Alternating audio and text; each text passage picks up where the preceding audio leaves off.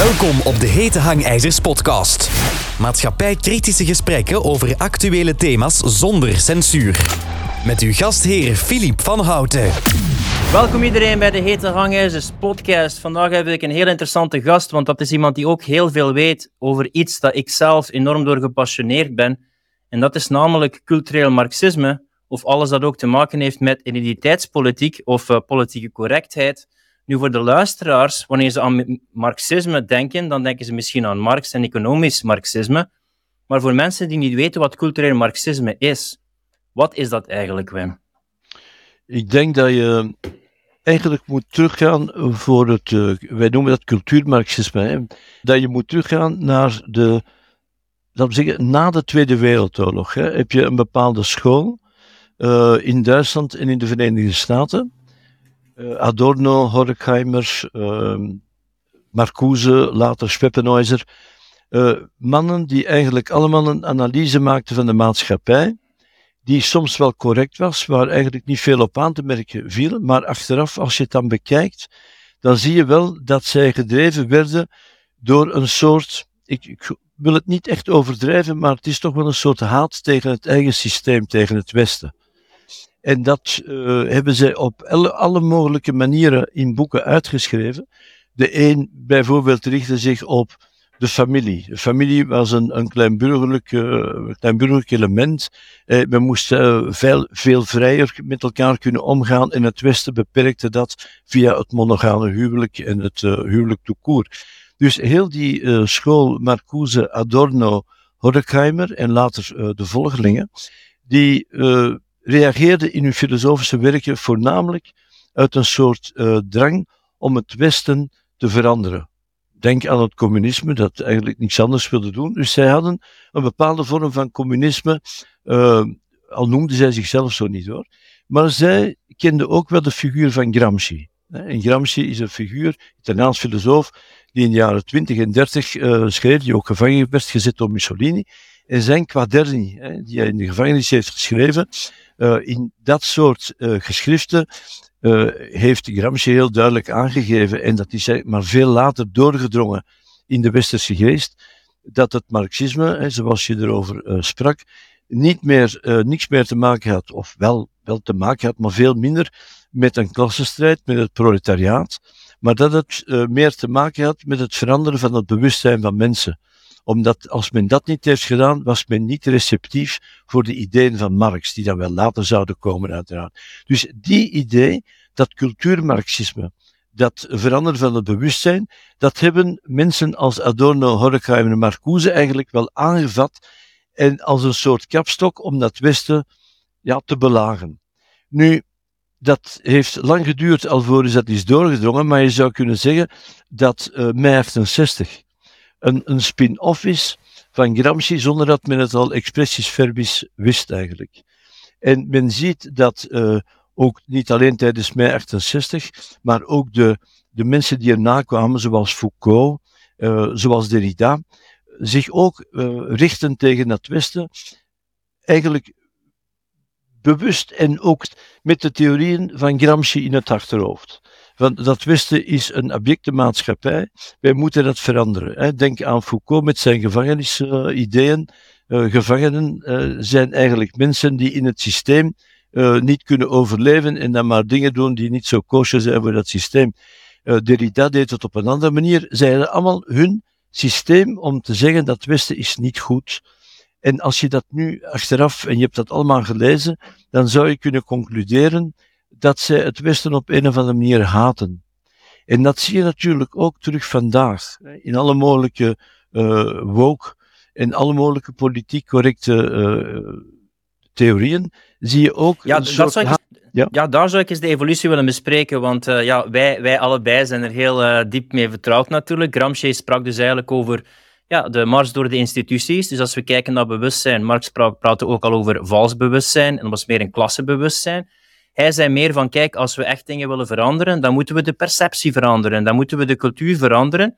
En dat uh, bestaat dan eigenlijk over het, dominante narratief en de non-dominante narratieven, dat dan vooral in een identiteits- en rassenstructuur gegoten werden. Maar kan je eens een beetje de evolutie uitleggen rond het mei 68, bewust zijn en dat we een beetje tonen van hoe dat, dat geëvolueerd is, misschien onder andere ook door invloed van Foucault en Derrida, in dit huidige identiteitspolitiek woke bewustzijn dat we nu sinds de jaren 2000 enorm dominant geworden is. Ja, ik denk dat het uh, centraal element wat weinig vernoemd wordt in heel die geschiedenis van 68 zijn de werken van uh, Bourdieu, Pierre Bourdieu.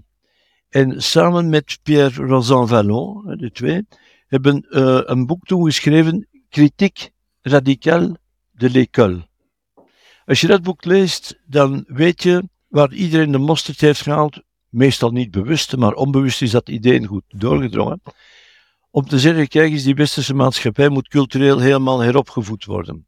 Want die leeft van wat Bourdieu en Rosan Vallon noemen van een soort distinctiedrift. Wij willen ons onderscheiden. En dus moet die school, die moet helemaal anders opgevat worden. Niet meer als een onderscheidingsinstrument, dus als een machtsinstrument, maar als een, een instrument dat bevrijdt, dat emancipeert.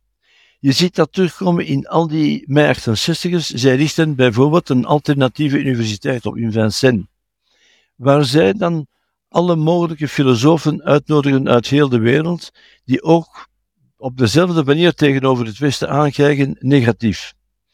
Ik wil een kleine sprong maken naar het eind van de 19e eeuw. Op het eind van de 19e eeuw had je eigenlijk hetzelfde fenomeen en had je een universiteit in Brussel, Universiteit Libre de Bruxelles, bestond nog geen Nederlandse universiteit of Nederlandstalig. En die Universiteit Libre de Bruxelles, die had een soort uh, uitgesproken tegen een aantal filosofen. Wat doet de, een aantal van die progressieve professoren? Dat is een alternatieve universiteit oprichten. Université Nouvelle.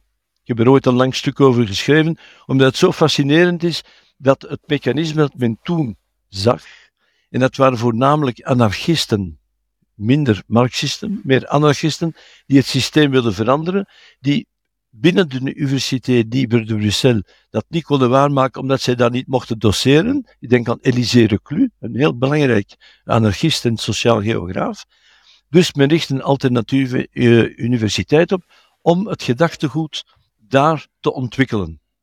Je ziet daar ontzettend interessante mensen opduiken. Wel, hetzelfde zie je met die Universiteit de Vincennes, waar men een heel systeem bedenkt om eigenlijk niet uit anarchistisch oogpunt, maar uit een, ik zou maar zeggen, wat men te weinig benadrukt, vind ik, een trotskistisch oogpunt.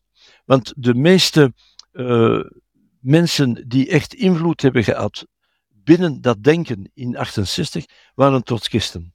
De Maoïsten noem ik altijd het proletariaat van het communisme. Trotskisten zijn de intellectuelen van het communisme, maar hebben een ontzettende invloed uitgeoefend tot vandaag.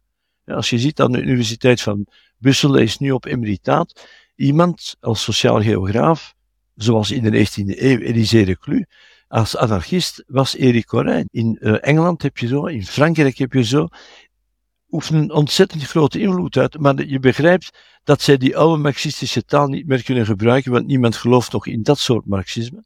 Maar zij gebruiken de taal die dan in de Frankfurter Schule, eh, die na de Tweede Wereldoorlog zich heeft ontwikkeld, die taal gebruiken zij. En wat willen zij eigenlijk? Zij willen eigenlijk hele maatschappij emanciperen.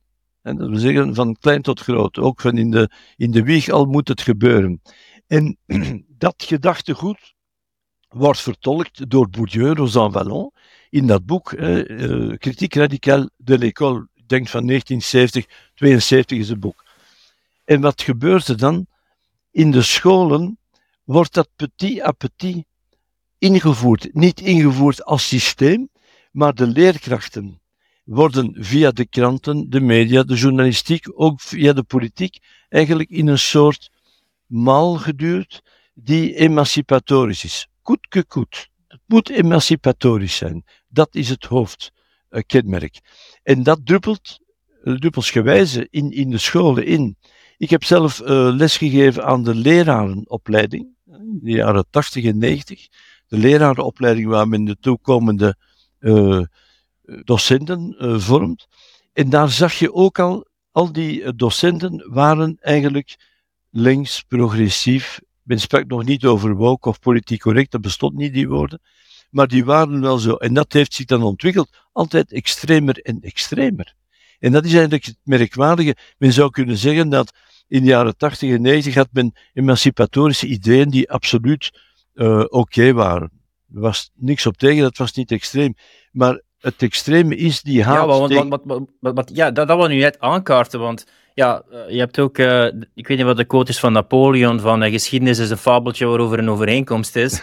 Dus dat we kijken uh, naar de jaren 60 en als je dat vraagt aan de mensen, dan ging het vooral uh, tegen imperialisme, voor de vrijheid, feministen, gelijke rechten. Maar jij spreekt daarvan, daar zit al een inherente zelfmaat haat in ten opzichte van het Westen. Dat is wel iets nieuw voor luisteraars, want die associëren dat niet met mei 68. Nee, mei 68 is natuurlijk... Uh, zij hebben vanaf het moment dat zij de mars door de instellingen zijn begonnen, hebben ze eigenlijk hun denken in die zin veranderd dat ze zich hebben aangepast, geconformeerd, niet aan het emancipatorische voor mij, maar gewoon aan, aan wat er uh, als frivol rondhangt. Dus heel die woke, politiek correcte, die semantiek die helemaal verandert, die gedachtepolitie enzovoort. Dus vanaf het moment dat die 68ers aan bewind zijn gekomen, zijn ze eigenlijk de voorbereiders geweest. En een, een interessant denker uh, daarover is Michel Clouscar. Dat is een van de interessantste denkers in Clouscar die heeft laten zien dat die 68ers de weg hebben vrijgemaakt voor het neoliberalisme. Want wat was de, de zaak ook van de 68ers? Vrijheid. De vrijheid sous les pavés. Onder de stenen ligt de vrijheid. Extreme uh, freedom of speech. Wel nu, dat heeft ertoe geleid dat ook alles toelaten, alles kon, want de vrijheid moest absoluut uh, beleefd worden. En aangezien dat zo is, hebben die 68ers de weg vrijgemaakt voor het neoliberalisme dat dan gewoon een consumptiemaatschappij is geworden. Je kunt ook alles kopen in een consumptiemaatschappij. Je kunt ook alles doen. De meest gekke ideeën kunnen, kunnen eh, geïmplementeerd worden. Daar ja, als je alle idee, identiteit vernietigt, dan is het enige wat je nog identiteit uit kan halen, wat dat je consumeert. En dan word je geconsumeerd door wat je consumeert. Door wat je, dat, dat is jouw identiteit. En dat is natuurlijk uh, een typisch westers fenomeen dat blijkbaar veel aantrekkingskracht heeft in andere continenten, want men wil ook veel consumeren in andere continenten en men komt naar hier om te consumeren. dus de asielzoekers, eh, laten we zeggen, de helft van de asielzoekers zijn economische ja, vluchtelingen, durf ik het ook niet te noemen, maar zijn eigenlijk mensen op zoek naar consumptie. Je kunt dat niet anders noemen. Maar wat, wat zo uh, schrijnend is, dat die 68ers op een bepaald moment eh, de vrijheid zo verdedigden dat ze excessief werd, tot op het moment dat de, de mensen die zeggen, ja, maar gaat het nu niet een beetje de, de klauw uitlopen, dat die nu gesanctioneerd worden. Dus die vrijheid van gedachten is er nu nog alleen aan de linkerzijde, de progressieve zijde, tussen aanhalingstekens, met, geen, met een reactionaire uh, manier van denken, maar zij noemen zichzelf altijd progressief en zij zetten de toon eigenlijk voor heel het Westen. Ik zeg niet uh, voor Afrika en ook niet voor Azië, maar voor het Westen natuurlijk wel. En dat is heel die, die extreme uh, idee om minoriteiten, altijd over minoriteiten te spreken, over groepsminoriteiten, nooit over individuen. Minoriteiten zijn goed voor heel die woke jongens, als het maar geen Joden zijn of Aziaten. In Aziaten worden ongelooflijk gediscrimineerd in de Verenigde Staten, omdat zij uh, punten moeten inleveren alvorens zij kunnen beginnen, omdat zij veel te slim zijn. Dus wie zijn de minoriteiten? Dat is heel die alfabet, dat hele alfabet van, van panseksuelen en weet ik al. Maar dit is ook het probleem dat ik heb met die hele beweging. Uh, het heeft niks te maken met principes, het is gewoon compleet ideologisch gekleurd. Het hangt uit wie dat het zegt, niet wat dat je zegt. En dat merk je ook al in een boekje, ik weet niet wanneer het geschreven is, ik denk ja, eind jaren 60 of begin jaren 70. De titel zegt het zelf al, repressieve tolerantie. Wat merk je Dus je bent ja, repressief ten opzichte van diegenen dat niet ideologisch met je akkoord gaan. Uh, en je bent tolerant ten opzichte van diegenen dat wel met je akkoord gaan. Dus ja, dat, is, dat is ja, afhankelijk van wie het zegt. Als, als, als, als, als iemand aan linkerzijde het doet, dan is het oké en is het vrijheid. Als iemand aan rechterzijde, extreem rechterzijde het doet, ja, kijk, dan zijn ze... Plus ook nog, Filip, dat de, het begrip tolerantie wordt ook ongelooflijk misbruikt. Hè, als, als semantisch probleem. Tolerantie was vroeger, uh, je kunt verdragen dat iemand anders iets zegt tegengesteld is aan jou. Dat kun je best verdragen. Maar nu is tolerantie niet meer dat soort denken, maar je moet het andere niet alleen verdragen, je moet het uitdragen. Je moet niet verdragen, je moet het uitdragen. En dat is het verschil met Kolakowski, de, de Poolse katholieke filosoof, die even mijn lievelingsfilosoof is. Die heeft daar een mooi stukje over geschreven van zes of zeven bladzijden over hoe tolerantie een evolutie doormaakt. Van positief naar negatief. En het is logisch, als, ik, als jij A zegt en ik zeg B, dat moet ik best kunnen verdragen van jou. Maar het is niet zo dat ik A moet zeggen dan om tolerant te zijn. Nee, nee, ik blijf wel B zeggen. En dat onderscheid intolerantie wordt niet meer gemaakt. Je moet zeggen wat de ander zegt. Dus de gedachtepolitie is groot. En wat mij uh, fascineert is hoe het onderwijs die perceptie helemaal heeft overgenomen. Uh, het is ook volgens mij voor de eerste keer in de geschiedenis van het onderwijs dat alle samenlevingsproblemen die legio zijn, allemaal samenkomen. Als je vroeger in onderwijs, ik heb zelf ook nog lesgegeven, zelfs in het secundair onderwijs lesgegeven, dan had je natuurlijk problemen, zoals er altijd problemen zijn in de leefwereld. Dat is logisch. Maar het was een rustige tijd, er waren eigenlijk niet echt problemen. Maar als je nu ziet, zijn er alleen maar problemen in onderwijs en is er een soort, uh, er wordt ook over gepubliceerd, door Franse filosofen trouwens, een, een soort uh, crisissfeer die permanent is. Je kunt in een crisis leven. Het is een crisis en die gaat dan wel voorbij of je probeert die bemeesteren. Maar nu leven wij in een soort existentiële. Iedereen voelt zich in een crisismodus. Want er is altijd iets. Ze zeggen oorlog in Oekraïne, dan is COVID er. En als COVID er niet is, dan, dan wordt er een aanslag gepleegd. Kinder. Dus mensen leven op een, op een zeer negatieve manier, dat begrijp ik zeer goed, in een crisismodus. En die crisismodus die zit in de school ook. Logisch. Alle maatschappelijke problemen komen in de school. De school moet ze ook allemaal oplossen. Dat kan natuurlijk niet. En eh, als je vandaag leest bijvoorbeeld uh, dat in de Frankfurt Allgemeine Zeitung, als ik het goed heb, dat in bepaalde scholen in Duitsland vier moslims in een klas daar de toon zetten, sharia willen, ze willen daar bidden, jongens en meisjes moeten gescheiden worden. En dat wordt doorgegeven uiteindelijk. Zie je, dat is wat ik bedoel als ik dan altijd zeg in mijn boeken: het Westen is uh, zo tolerant geworden dat het dodelijk is voor, voor, de, voor de eigen tolerantie. Maar hoe hebben die, die ideeën zo vat kunnen nemen op de verbeelding? Want om nu de school op te nemen, dat is echt een kracht die tegen feministen is. Dus waar, ja. hoe heeft dit zo erg de ver verbeelding van het Westen kunnen overnemen? Ik denk, uh, Filip, dat je dat zo moet zien. De, er zijn verschillende mogelijke uh, manieren om het uit te leggen, maar ik denk dat de belangrijkste is uh, het narcisme van het Westen. Denk aan de sociale media waar iedereen uh, op staat duizend keer. je moet, men moet mij kunnen zien. En dat narcisme leidt ertoe dat je beter zegt dat je absoluut vindt dat uh, negers, ik mag dat woord niet gebruiken, maar ik gebruik het natuurlijk wel. In mijn podcast mag je alles zeggen. Ja, wel, ik zeg dat gewoon, ik vind het gewoon belachelijk. Niger is zwart en het, oh, dit is, enfin, uh, dat negers bijvoorbeeld niet allemaal goed zijn, dat er ook heel wat criminaliteit is onder negers. Maar stel nu dat ik zeg, negers, dat is geen criminaliteit, dat zijn de beste mensen van de wereld, dat kan niet. Dan ben ik toch de beste Jij bent de slechte, want jij kaart iets aan wat toch misschien niet zo formidabel is. Ik kaart iets aan, ja, maar dat zijn de beste. Dus ik ben de narcist van de twee, want ik wil behagen. En dat is, heel onze maatschappij is narcistisch. En het beste boek wat erover gepubliceerd is, en in de jaren 70, 72, denk ik, uh, Culture of Narcissism van Christopher Lash. Die heeft dat de, de vinger op de wonde plek gelegd en laten zien dat onze maatschappij, de westerse, ik bedoel niet de Afrikaanse of de Aziatische, onze maatschappij is zo narcistisch dat als jij zegt, er zijn wel slechte mensen onder de Marokkanen, en ik zeg, dat is niet zo, Filip, dat zijn alleen maar goede mensen, dan ben ik de beste. Want ik ben degene die het meest deugdzaam is van ons beiden. En het meest deugdzaam terwijl jij misschien de meest realistische bent en de cijfers hebt en weet ik wat. Dus ik denk dat het kalf daar eigenlijk gebonden is. Dat iedereen zich wel zegt, ja, een vrouw, natuurlijk mag je nooit iets slechts zeggen van een vrouw, want dan ben je een seksist. Ik zeg, ja, maar je mag wel iets slechts zeggen als dat nodig is. Dus jij bent beter dan ik.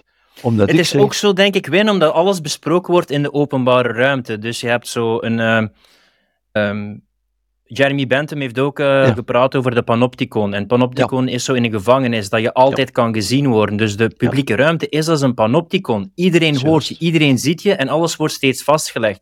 Dus om autonoom je mening te spreken, ook al hebben het repercussies, is gewoon moeilijk tegenwoordig. En veel meer mensen kijken naar je bewegingen in dat panopticon. Maar ja, dus, dat is dan toch, hè, ik ken het uh, systeem Foucault, die dat eigenlijk wel goed heeft uh, geduid. Maar je begrijpt wel dat mensen, meestal zijn ze ruggengraatloos.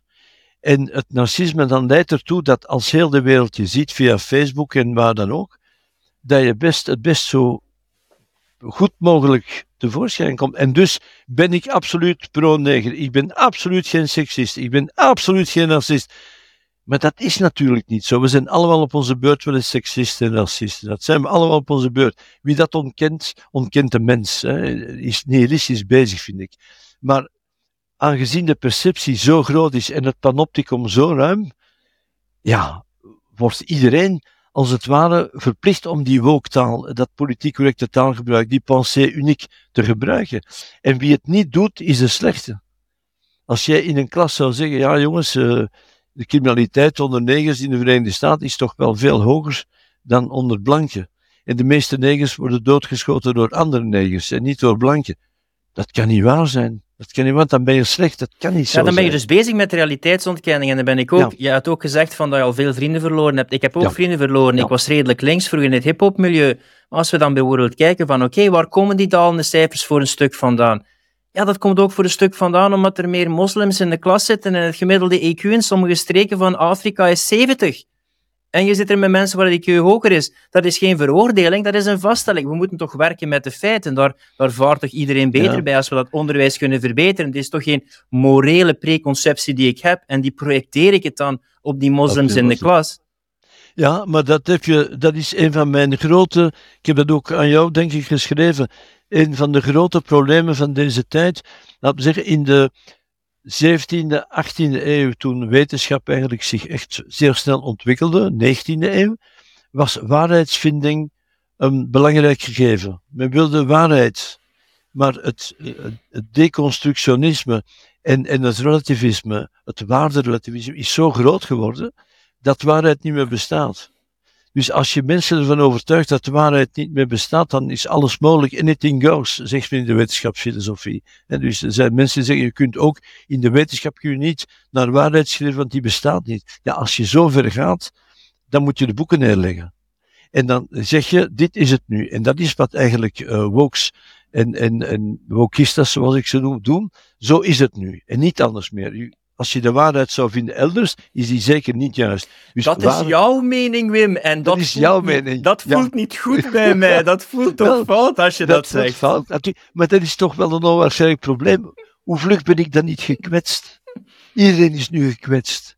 En minderheden worden natuurlijk sowieso de hele dag overal en altijd kwetst, want men gaat ervan uit dat de Vlaming, de Belg, de westerse mens een racist per excellence is.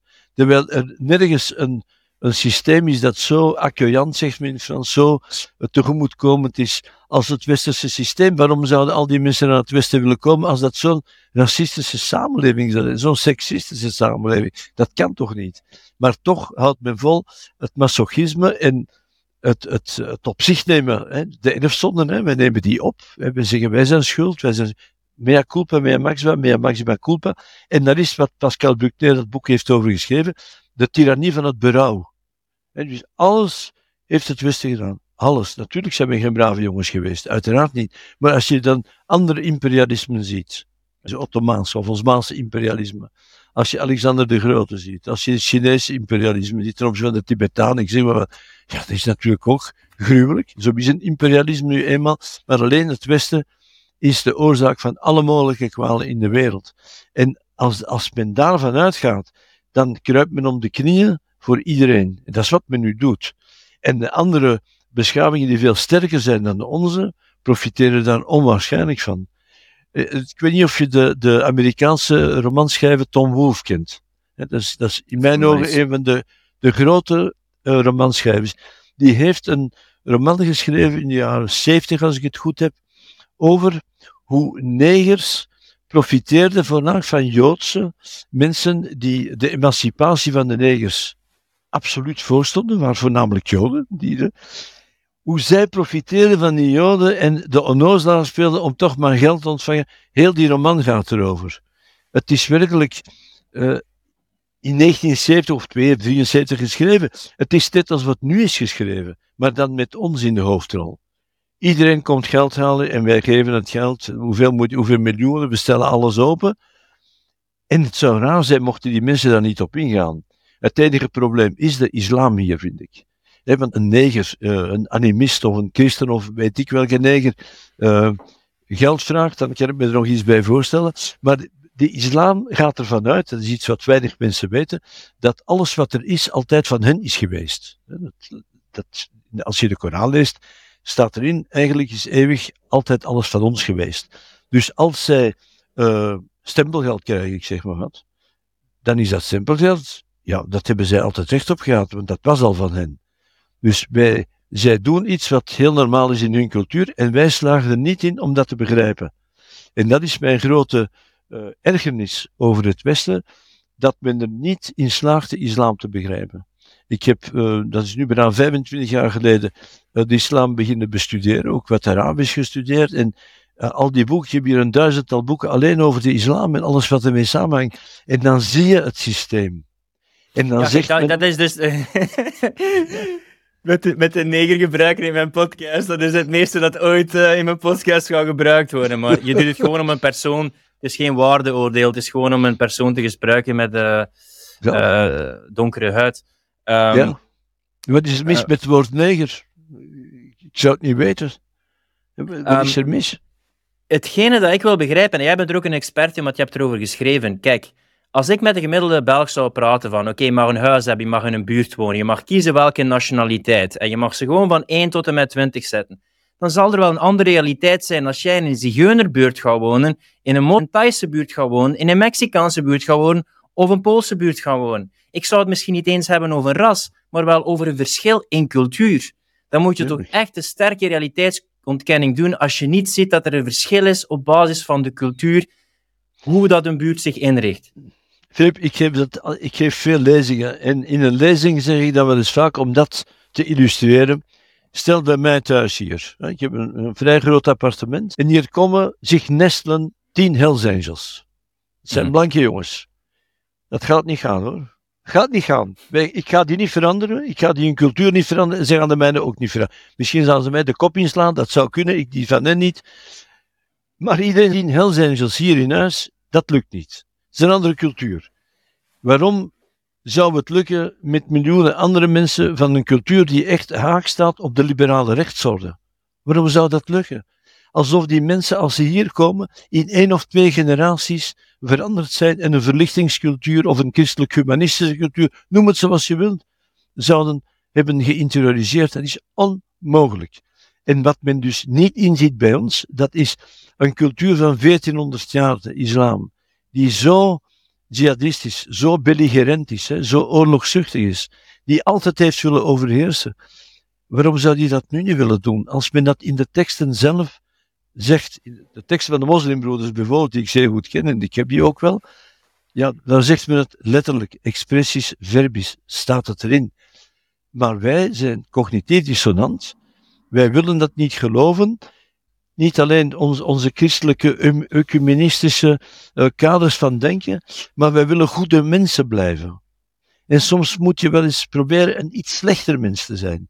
Dat kunnen wij niet begrijpen omdat wij zo christelijk humanistisch zijn grootgebracht. Dat wij altijd goed willen zijn. En natuurlijk moet je goed willen zijn. Maar soms zijn er momenten dat men slecht moet zijn. Was Churchill slecht toen hij zei we moeten Hitler bevechten tot de laatste man? Was hij dan slecht toen hij het zegde? Nee, hij was niet slecht. Maar als nu bijvoorbeeld uh, Israëli's doen wat uh, Churchill deed met Hamas, dan is dat plots weer wel slecht.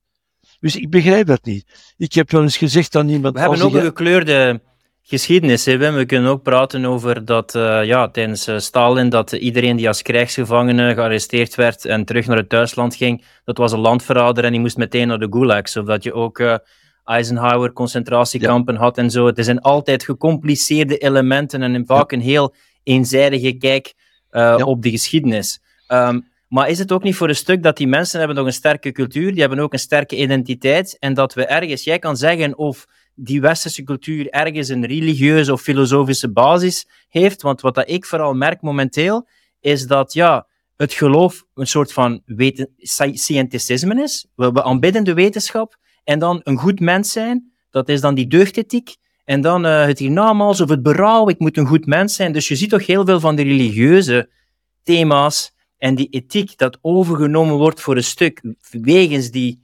deugdethiek, cultureel marxisme en uh, identiteitspolitiek.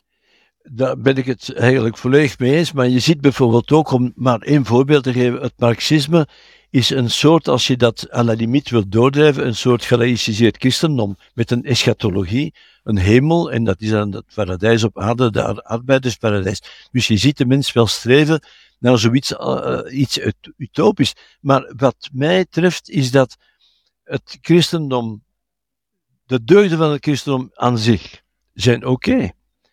Maar je weet wat Chesterton ooit heeft gezegd, hè? de, de, de zeer katholieke filosoof in de jaren 20 en 30 in uh, de UK, heeft ooit eens gezegd als katholiek, deugden, they have gone mad.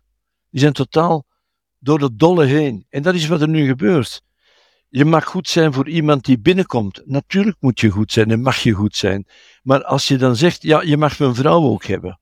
En je mag mijn dochter ook hebben. En je krijgt nog geld eraan toe, ja, dan ben je gek. En dat is wat Chesterton in de jaren 20 en 30 al schreef. Het christendom is formidabel, een, zeer hoogstaand systeem, maar de deugden mogen niet doldraaien. En dat zijn ze bij ons wel geworden. En daarom is elke progressief en linkse mens eigenlijk een ongelooflijke dolgedraaide christen.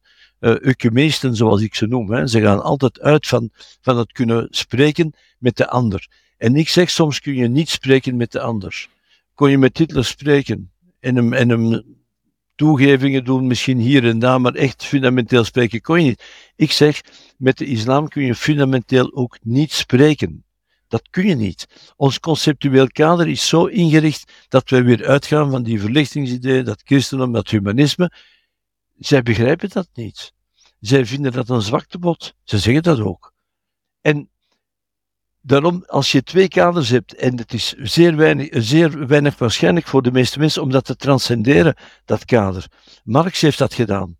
En Marx heeft het eigen kader uit de 19e eeuw van arbeiders moeten werken in, zaterdag en zondag. Hij heeft dat getranscendeerd, dat kader. Dat is eigenlijk wel een formidabele geste, of een formidabele denkgeste. Maar zou men dat ook moeten doen ten opzichte van een ander totalitair kader? Men kon het ook niet bij het communisme, als men ziet hoeveel intellectuelen uh, partizaan waren van het communisme. Er zijn boeken vol over geschreven, hoe zij niet zagen wat er gebeurde. Wel, nu zien die intellectuelen ook niet wat er nu gebeurt. Je hebt het communisme, het, het fascisme, nu heb je het, de islam, en nu ziet men het weer niet. Dus dat is, dat is ja. Wat is jouw mening over, je kent ook wel dingen van de Kalergi-pact en omvolkingstheorie. En uh, dus er is een theorie die zeggen van, kijk, en ik snap wel voor een stuk van, ja, dat vooral linksen heel graag hebben dat er immigranten binnenkomen, want A, die stemmen allemaal links, en B, die hebben meer kinderen. Dus op lange termijn is dat zorgen dat, uh, niet lange termijn zal ik straks eens op terugkomen als we het hebben over het Hullebeck-scenario. Maar wat vind jij van die theorie? Is dit gewoon een uitvloeisel van een uitgeholde cultuur en cultureel, of zitten daar ook bepaalde sturende krachten achter wel, ik, eh, ik heb die vraag wel meegekregen en het is iets, ik ben erover aan het schrijven nu. En het is voor hem zeer moeilijk om erop te antwoorden. Ik je weet, ik ben een vrijgeest, ik antwoord wat ik wil. Ik kijk ook naar weinig. Uh, ik weet het niet. Ik heb de neiging om te denken, af te leiden uit wat ik weet en lees en zie, dat het een aantal dynamieken zijn die in elkaar grijpen en die dus goed uitkomen. Ene dynamiek versterkt de andere dynamiek. Dus dat het geen vooropgezet spel is, geen idee, een soort complot, noem dat maar zo. Uh, maar een, een dynamiek, kijk, de westerse samenleving, het bedrijfsleven, heeft dus zo goedkoop mogelijke werkkrachten. Dat is duidelijk. Links heeft de heel de, de derde wereld, dat zijn de beste mensen van de wereld. Die mogen allemaal hier komen. Dus die synergie van links en rechts hier, rechts zijn het bedrijfsleven, die, past, die dynamieken die passen formidabel mooi in elkaar. Dus als er omvolking gebeurt, gebeurt dat spontaan, gebeurt dat, omdat die twee dynamieken in elkaar zijn gegrepen. En is dat geen vooropgezet plan? Ik ken het Kalergi-plan natuurlijk ook wel. Uh, dat was eigenlijk een, een, hoe moet ik zeggen, een, een soort utopie van, van iemand die in adellijke sfeer leefde. En die dat misschien wel voor had, maar zo zijn er veel utopieën. Maar men ziet nu hoe het uitwerkt in de praktijk in Frankrijk, in België. Gewoon omdat het een evolutie is van links en rechts die samengaan. Waardoor men inderdaad een soort omvolging krijgt. En wat ik daarbij uh, ook noteer, men zegt mij altijd omvolking, zo vlug gaat het niet. Nee, natuurlijk gaat het zo vlug niet. Maar men onderschat dat wat nog klein is. Laten we zeggen dat op dit moment er 10%, ik overdrijf het zelfs nog een beetje, moslims zouden wonen in België. Ik noem België. Dan moeten we ervan uitgaan dat het 10% mensen zijn die militanter zijn dan wij. En daarom is een kleine militante minderheid altijd de baas over een meerderheid die eigenlijk vrij ruggengraatloos is. Wel, ik praat soms over, over mijn, mijn pa, die uh, in het onderwijs zat 30 jaar geleden, katholieke school. 1 op de 10 was van Turkije dan vooral. Nu ga je meer dan de helft is niet Belg. Ik had hier drie of vier jaar geleden statistieken van Antwerpen en ik geloof tot drie jaar of vijf jaar. Meer dan 75% is niet Belg. Tot de leeftijd 35 jaar is de meerderheid niet Antwerpenaar of niet, niet Vlaming. Dus ah, dat is op een, op een twee generaties. Ja, ja nog, nog twee, drie generaties en we zijn er natuurlijk. En dat is wat men ook niet wilde geloven. In mijn lezingen ook zeg ik dat en altijd waren mensen die zeggen, maar dat kan toch niet. Maar je ziet hoe, uh, hoe vlug een omvolking gebeurt. Het gebeurt op drie, vier, vijf generaties is een volk veranderd. En wat volgens mij toch nog interessanter is dan gewoon kwantitatief, is gewoon zien hoe een klein procent van die bevolking een veel grotere invloed heeft dan, laten we zeggen, de, de 80 of 90 procent van de mensen die gewoon autochtoon zijn. Omdat hun cultuur veel militanter is en jihadistischer dan de onze. Wij hebben een, een ecumenische cultuur. Wij willen met iedereen praten, met iedereen willen wij vriend zijn, dat is onze deugdethiek. Zij niet. Hè. Zij malen er niet om, om te zeggen, ja, wij willen jullie veroveren, zo simpel is dat en wij zullen dat ook doen. Dat zeggen zij, dat schrijven zij in hun, in teksten, in hun predikingen. In de Al-Azhar-moskee wordt dat gezegd. Toen men aan uh, de, de paus, noem ik hem, van de Al-Azhar-moskee een jaar of zeven had geleden vroeg of hij IS wilde veroordelen. Hij zei, nee, die, dat zijn moslims, die veroordeel ik niet. Dus dat is de mindset van die mensen. En wij komen maar er is toch wel een verschil, Wim. Ik heb al gepraat met bijvoorbeeld mensen, uh, Turken bijvoorbeeld in Istanbul, en als ik ze soms uitleg wat de mentaliteit hier soms is in bepaalde steden, dan vallen zij van hun stoel. Dat zeggen zij van, dat snappen we echt niet, dat is echt een voorbijgeschreven, non-moderne mentaliteit. Dus dat is het absurde scenario, dat de mensen daar denken van, nee, nee, nee, wij willen eigenlijk dat Turkije meer wordt zoals het in België is. En dat je dan kijkt naar mensen die stemmen voor Erdogan, ze gaan weg uit hun land en de meeste aanhangers die zitten dan eigenlijk hier in West-Europa en stemmen voor Erdogan. Ja, dat, sociologisch is het een feit waar je zegt dat, laten we zeggen, ik zal het woord gebruiken, maar ik nooit aarzelen worden, de meest achterlijken komen naar hier en de meest cosmopolieten blijven daar. Er wordt ook, Oran Pamuk heeft daar een boek over geschreven. En dan zie je dat inderdaad, men stemt dus voor Erdogan hier. Ik geloof 80% heeft voor Erdogan gestemd. Maar wat mij meer nog bezighoudt, is dat als een moslim, of die voor Erdogan stemt, of die niet voor Erdogan stemt, wat doet hij à la limite als er iets gebeurt? Wordt hij dan opnieuw moslim? Of is hij zo gelaïciseerd, zoals in Turkije er zijn, dat hij zegt: Ik ben geen moslim meer? Want wat gebeurde in landen als Irak en Syrië bijvoorbeeld? Daar woonden nog wat christenen. En nu zijn er veel minder christenen die er nog wonen. De christenen die daar woonden en hadden buren, moslimburen, met wie ze zeer goed overeenkwamen. Geen enkel probleem, gingen met elkaar op de thee. Maar vanaf het moment dat die buren echte moslims, waren niet gewoon moslims met wie je op de thee ging, maar werden het moslims. En dus ik zeg altijd, ik heb honderden gesprekken gehad met moslims. Dat is een ui, moet je zien. En je pelt die ui af. En vanaf het moment dat je die ui aan het afbellen en je komt tot die kern dan komt die moslim. En natuurlijk, als die uh, cosmopolieten in, in Ankara uh, zeggen, ja, maar ja, dat begrijpen we niet, dat zij voor u gaan stemmen, wij zijn seculier, Atatürk enzovoort, dan wil ik nog wel eens zien, en dat is wat ik ook niet weet, wat men doet als puntje bij paaltje komt. Wordt het dan opnieuw echt een moslim? Want het is 1400 jaar cultuur, kun je niet zo afschudden. Dat is gebleken ook na Atatürk Turkije was seculier, 50, 60 jaar, en nu is Turkije terug voor een heel groot stuk niet meer seculier. Maar we hebben toch ook beelden gezien van uh, bijvoorbeeld de Shah of, uh, in, uh, in, in Syrië en in, in Afghanistan, hoe zo'n islam met westerse invloed eruit zag. Dus aan de andere kant is, heeft toch ook de geopolitiek die we gespeeld hebben in Noord-Afrika, heeft toch ook ja, de immigratiestroom op gang gebracht voor een stuk en een rol gespeeld? Wel, ik denk, ik denk dat het niet helemaal juist is. waarom niet? Ik denk dat we dan weer dat boetekleed aantrekken. En ik denk dat wij niet inzien dat. Dus in heel de wereld zijn er turbulenties, zijn er disrupties. En de islam maakt daarvan gebruik om het Westen te veroveren. Dat zegt men ook in hun teksten, staat dat letterlijk. Dus zij nemen als voorwendsel, ja, maar jullie zijn imperialisten en hebben ons gekoloniseerd. En denk aan Irak, de scheidingslijnen die men heeft getrokken. maar uiteindelijk zijn dat uh, oppervlakte fenomenen want als je dus dieper kijkt, en dat is wat antropologisch uh, wel interessant is, vind ik, dan komt uiteindelijk die godsdienst op de eerste plaats. En dat kunnen wij ons als seculieren, ik ben zelf atheïst, dat kunnen wij als seculieren ons niet voorstellen. Dat als je alles afpelt, er nog een godsdienst overblijft. Wij denken, zoals Marx dat deed, Marx herleidde alles tot de economie. En voor cultuur had hij weinig oog, want dat werd teruggebracht naar de economie. Bourdieu doet dat trouwens ook in 1970, doet dat nog altijd. Maar Engels was in die zin slimmer, hè, zijn compaan, en zei, ja, cultuur is evenzo belangrijk, maar die economie, schrijft hij, is in laatste instantie dat is bestimmende. Dus economie in laatste instantie is wel de economie, maar onderschat ook de cultuur niet. En dat had Gramsci zeer goed opgepikt, dat stukje van Engels, die zin. En ik denk dat als men zegt, ja, maar jullie zijn kolonisten geweest en kolonisatoren geweest en jullie hebben dit en dat, ja, natuurlijk is dat zo kun je niet ontkennen. Maar ik denk dat de diepere beweegreden elders ligt. En dat men uh, vlucht niet omdat men dan zegt, ja, maar jullie hebben dat en dat gedaan. Ik denk dat de meeste mensen zich daar niet mee bezighouden in die, in die regio. Uh, en dat ze gewoon naar hier komen omdat het hier lekker is, lekker warm. Met centrale verwarming bedoel ik dan. En omdat ze goed eten hebben hier en omdat ze nog geld toekrijgen.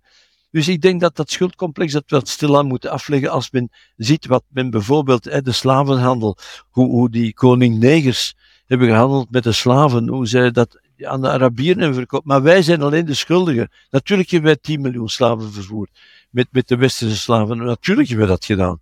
Met Arabieren hebben we veel meer vervoerd. En daar hebben we zeer over. Noem maar op. Dus als je de geschiedenis zo begint te wikken en te wegen, dan kun je altijd alles verklaren. Kom maar, want wij hebben daar, of wij hebben dit. Dus je verklaart alles op de duur. Denk je ook niet dat religie voor een stuk langs beide kanten ook als een machtsinstrument gebruikt wordt en polarisatie? Dat bepaalde geopolitieke machten bijvoorbeeld daar gaan voor de olie en die tegenstellingen ook uitbuiten? Sta je daarvoor open? Ja, ik denk dat, dat religie wordt altijd, denk aan het katholicisme, het christendom gebruikt heeft als machtsinstrument. Maar ik denk dat er één uh, uitzondering is op, uh, op al de grote op, en de minder grote religies, dat is de islam. Omdat de, de islam is een stevig systeem aan zich. Daar kun je niet aan wrikken, kun je niks aan wrikken, aan de islam. En zoals, zoals een systeem, het nazisme bijvoorbeeld als systeem, maakt de mensen slecht. Je kunt niet zeggen dat systeem, maar ja, er waren ook veel goede mensen binnen het nazisme. Ja, dat zal persoonlijk wel zijn, maar uiteindelijk waren het wel nazi's.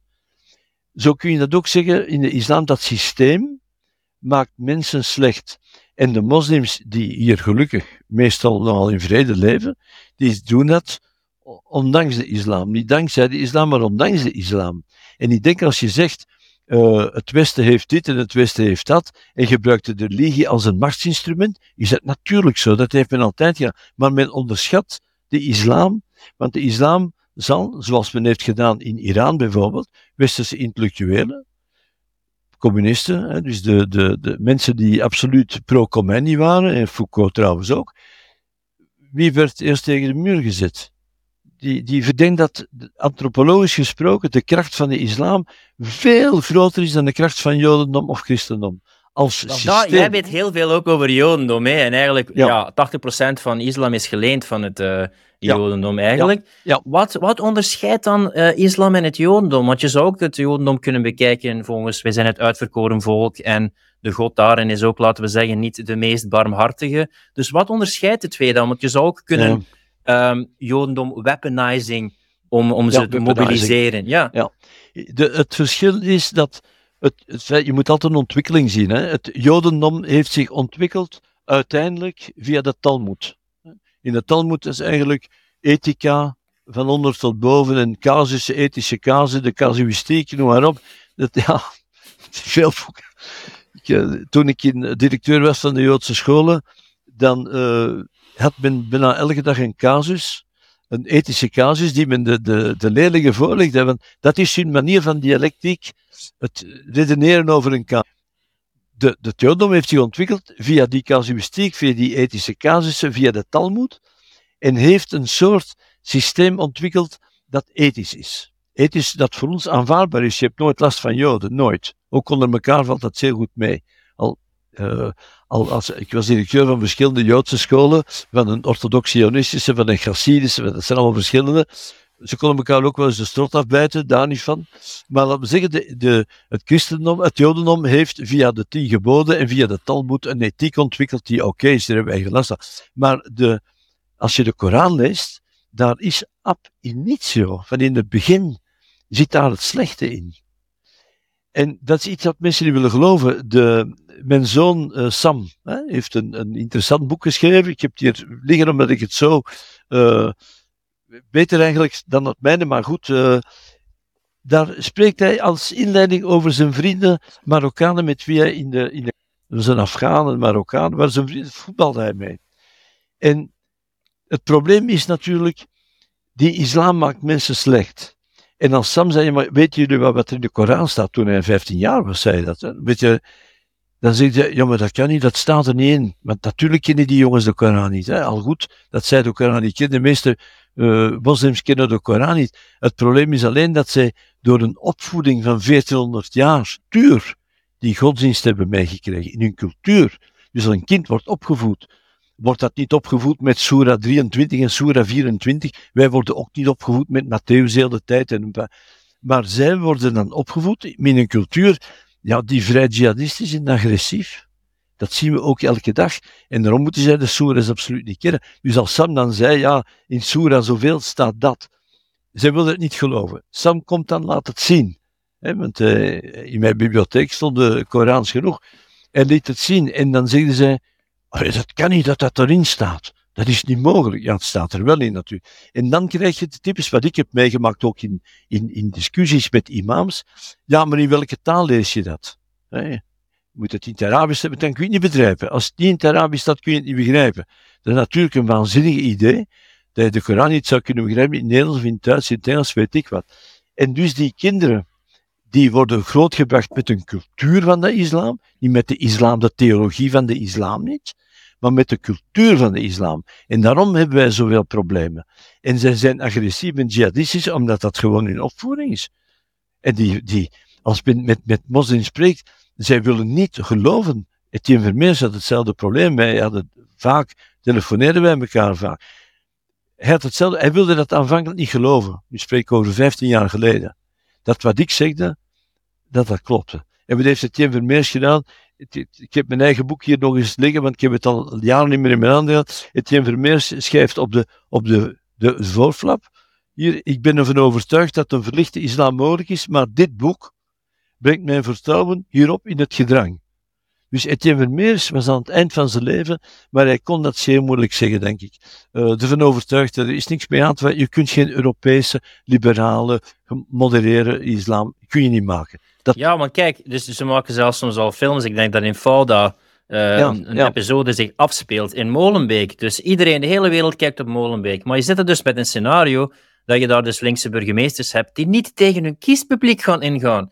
Dus dan heb je het boekje Onderwerping van Michel Houellebecq, waar je om een duur gaat naar een scenario en dat gaat ironie, oh zo ironie zijn, dat ze denken van daar is een moslimpartij. Ah, leuk, we hebben de hele tijd die moslims achter ons gestart en verdedigd. Die gaan wel opkomen voor die linkse vrije liberalen. En dan ontdekken ze dat die moslims rechts tot extreem rechts conservatief zijn. Ja, twee dingen daarover.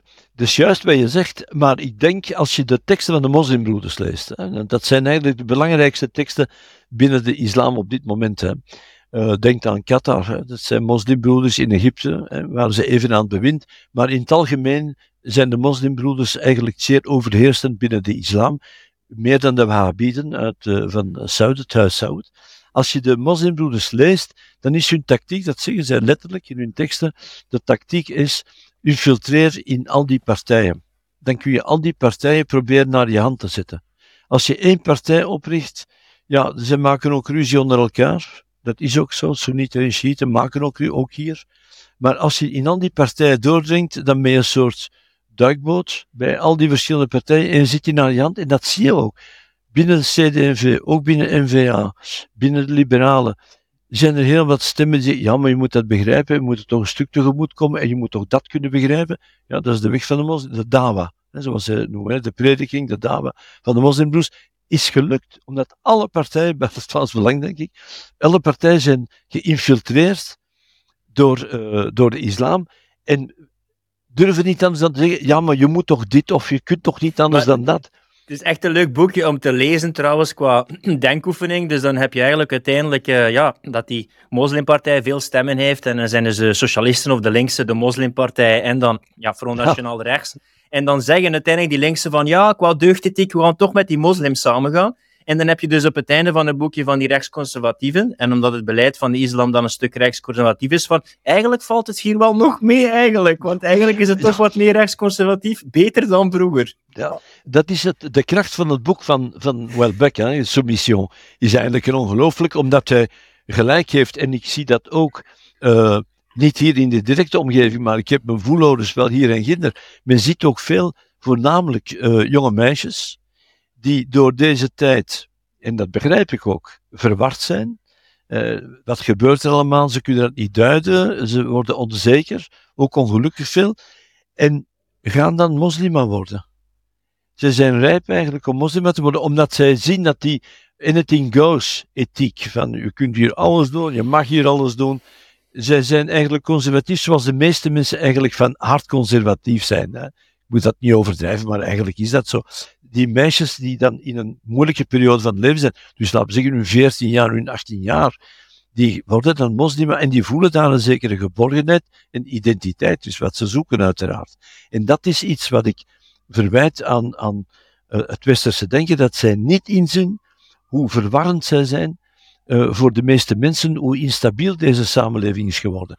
En mijn boek begint eigenlijk met, met wat is eigenlijk het belangrijkste op dit moment? Instabiliteit is permanent nu. De crisissfeer waarover ik het straks zei, is een permanente crisissfeer. Mensen willen dat niet. Als jij thuiskomt of ik thuiskom, wil ik dat mijn vrouw er is of mijn kinderen komen bezoeken. Het moet een beetje voorspelbaar zijn, mijn leven.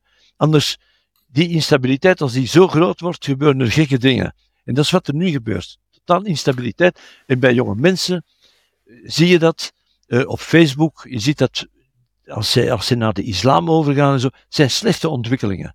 Heel slecht. Maar ik begrijp ze ook wel. En dat conservatieve, zoals je zegt, ja, dat matcht, hè. Dat conservatieve van rechts en dat conservatieve van de islam, dat is absoluut ongeveer, ongeveer, hè. laten we het nu niet overdrijven, maar ongeveer hetzelfde. Dus ik begrijp wel mensen die zouden zeggen, nou ja, dan, zoals ze naar de getuigen van Jehovah zouden gaan vroeger, dat deden ze vroeger, hè. 20, eh, 30 jaar geleden deden ze dat, hadden ze een houvast. Ja, ik noem het een omgekeerde doos van Pandora. Het begint met de hoop en met uh, keuzevrijheid, of hoe ik het noem, kiespijn. Er is gewoon te veel keuze. Er is gewoon geen houvast meer.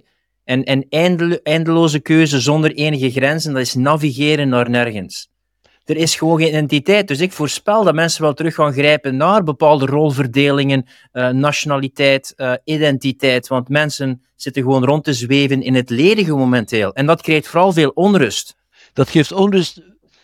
Wat, wat mij zo treft, hè, als je nu uit de 19e eeuw. Je leest bijvoorbeeld, onlangs was ik nog een, uh, een, biografie aan het lezen van Karl Leuwit. Dat is een van de grote filosofen van de 20e eeuw, die veel heeft geschreven over de 19e eeuw.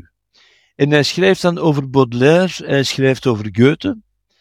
En hij citeert ongelooflijke passages waarin die zeggen: Wij zitten nu in een andere tijd. Hij spreekt nu van het begin van de 19e eeuw zijn in een andere tijd, die tijd versnelt. Er is een ongelooflijke hyperkinetiek, ongelooflijk.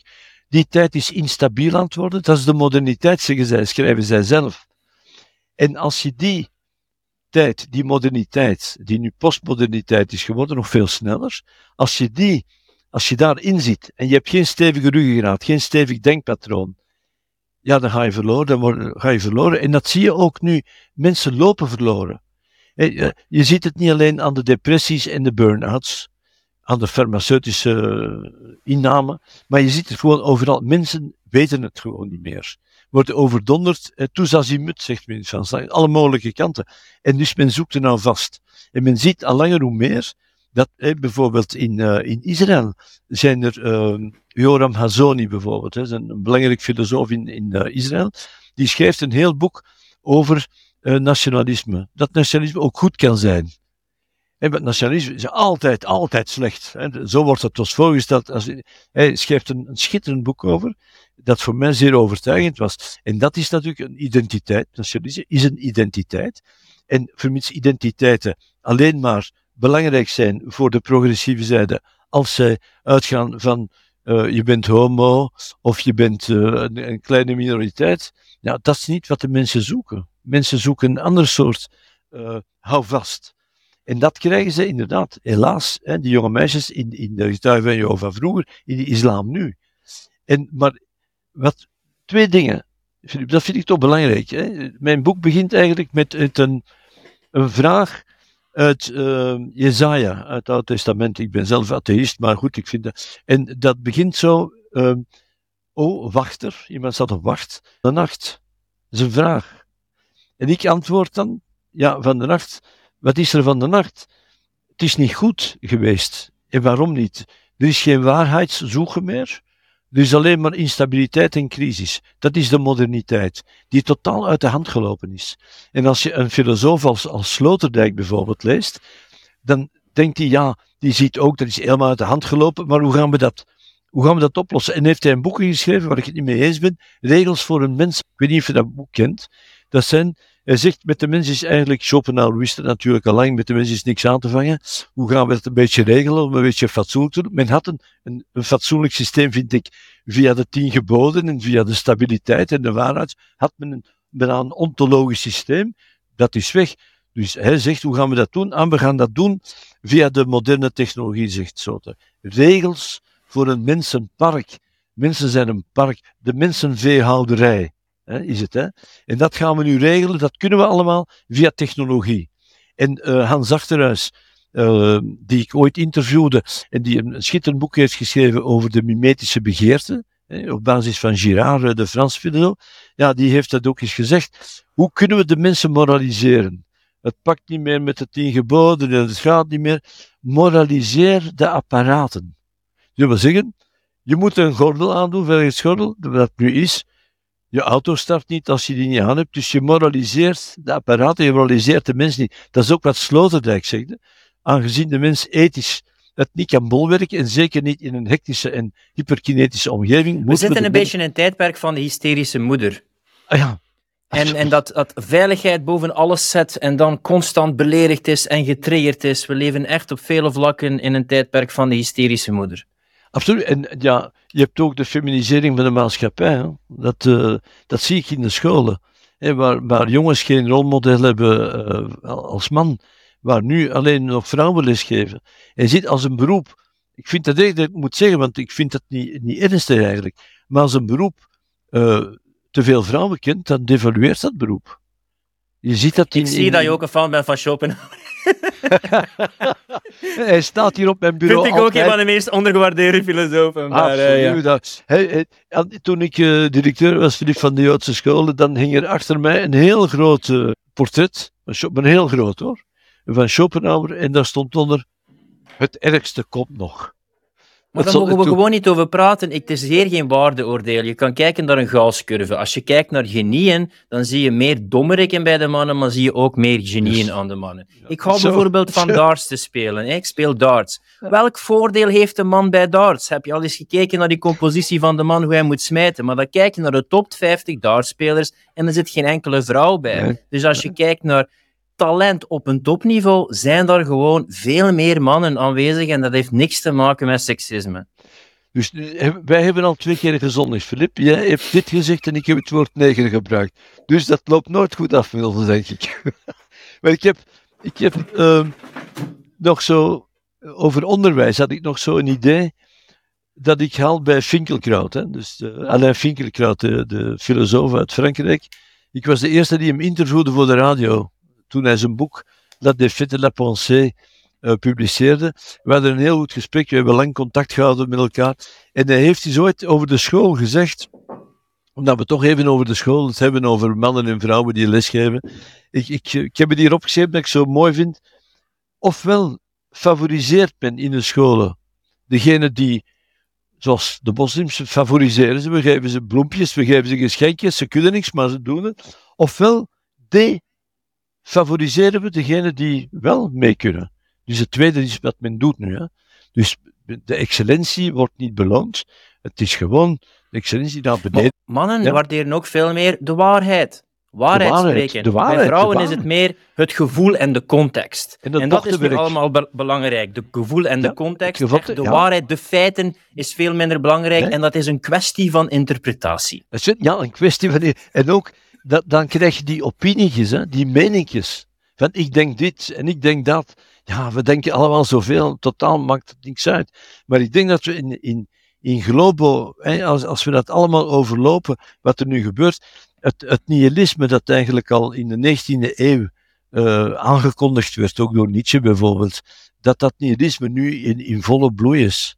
En dat daarom ook zoveel mensen uh, het, het niet meer zien zitten en niet meer weten waarover het eigenlijk gaat. Hoe kijk jij er eigenlijk naar het mei 68? Je hebt toch het gevoel dat de mens uitgehold is. En we zitten echt in een, in een Faustiaanse deel dat we proberen ja, te consumeren, onsterfelijk te zijn en veel keuzes te hebben. Maar we worden gewoon steeds ongelukkiger en onmenselijker door. En we zijn onszelf meer aan het uitholden op het altaar van de technologie en, en we geven gewoon het meest essentiële, meest menselijke op. Maar het, het is absoluut zo. En als je nu ziet wat er aankomt met de artificiële intelligentie en wat er allemaal. Mensen zijn daar eigenlijk ook bang voor. Hè? Mensen, wat, wat komt er op ons af? En op den duur zullen wij een soort transhumanisme, in een soort transhumanisme terechtkomen. En nu hebben wij nog het humanisme zoals we dat concipiëren vanuit de oude Grieken enzovoort. Maar er komt een transhumanisme op ons af, waardoor de apparaten ons meer zullen leiden. En dat is iets wat denk ik veel mensen aanvoelen. Onze vrije wil, voor zover die al vrij was, maar toch relatief vrij, die wordt weggenomen. En we, moeten nu al denken wat er moet worden gedacht, hè, met, via de gedachtepolitie. Maar er zullen dingen komen die men gewoon cybernetisch in ons plant, of uh, wat men kan doen, zal men doen. En dat is een van de, de, lessen die ik heb geleerd, wil ik toch ook even zeggen, van mijn, mijn grote leermeester Rudolf Beum. Rudolf Beum was hoogleraar wijsbegeerte, een Berlijns, uh, Gents hoogleraar aan de Universiteit van Gent. En die heeft het uh, dat was voor mij een eye-opener.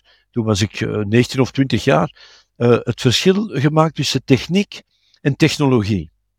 En techniek is gewoon, je hebt een probleem, je moet een nagel in een muur kloppen, je hebt een boor nodig. Je hebt een boor en je doet dat, dat is techniek. Technologie is, tja, ik heb hier een boor, wat zou ik nog eens mee kunnen doen? Dus je gaat altijd verder met het potentiële, wat zou ik nog kunnen doen, wat zou ik nog kunnen doen, terwijl je dat misschien niet eens nodig hebt al die dingen die men zou kunnen doen. En dan kan men zeggen, ja maar kijk eens, dat is disruptief dan. Dan, dan ga je dingen doen die je kunnen en daar is onze beschaving uit. Dat is juist. Ik denk dat Christopher Columbus in 1492 ook zeer disruptief was met dingen te doen. Hij ging, uh, moest geld inzamelen, dan ging hij uh, op, op expeditie, uh, vermoorden wat mensen, maar het was wel disruptief. En dus is het Westen gekomen op een punt dat wij veel hebben en dat wij goed kunnen nadenken enzovoort. Maar ik denk dat het Westen nu zichzelf aan het voorbijsteken is.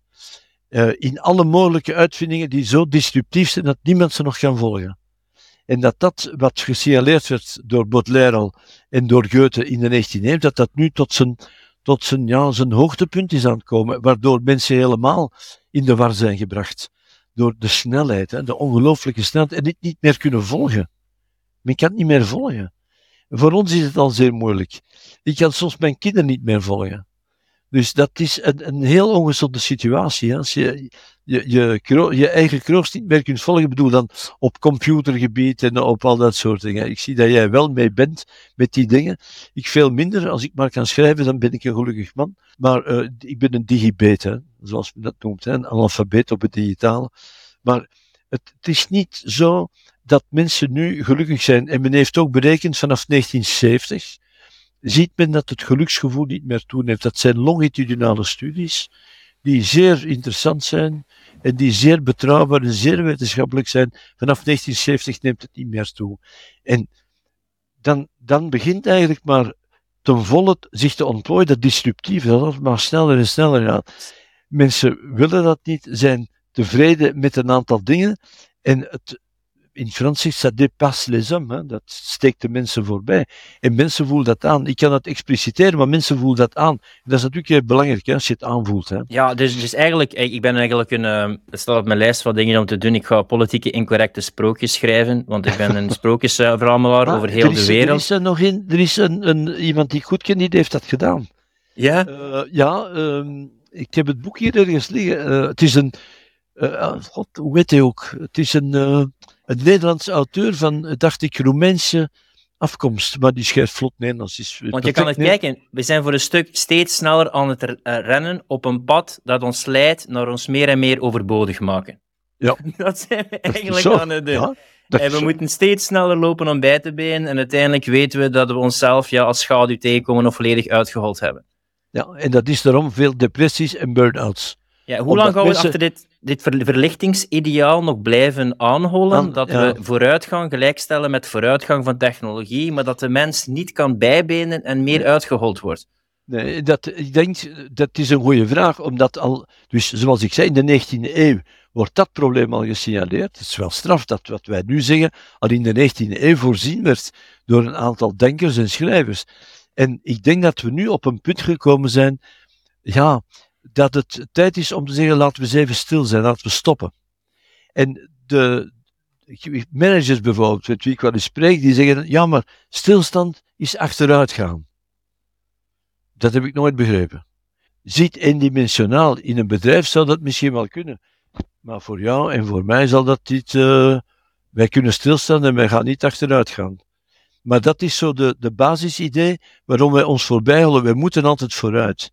En het, men zegt daarom ook het conservatieve, hè, wat we moeten behouden. Het progressieve conservatieve noem je dat. Het conservatieve staat niet ten opzichte van wat dan ook, die staat ten opzichte van het revolutionaire. Het altijd maar veranderen. Het veranderen om te veranderen. Want dat is wat we doen. Hè. Dat is wat die Rudolf Beum, die fenomenoloog van wie ik zoveel heb geleerd, zei ja, men kan iets doen, dus men doet het. Is, men, is het nodig? Is het nuttig? Doet er niet toe. We kunnen het. Dus we doen het.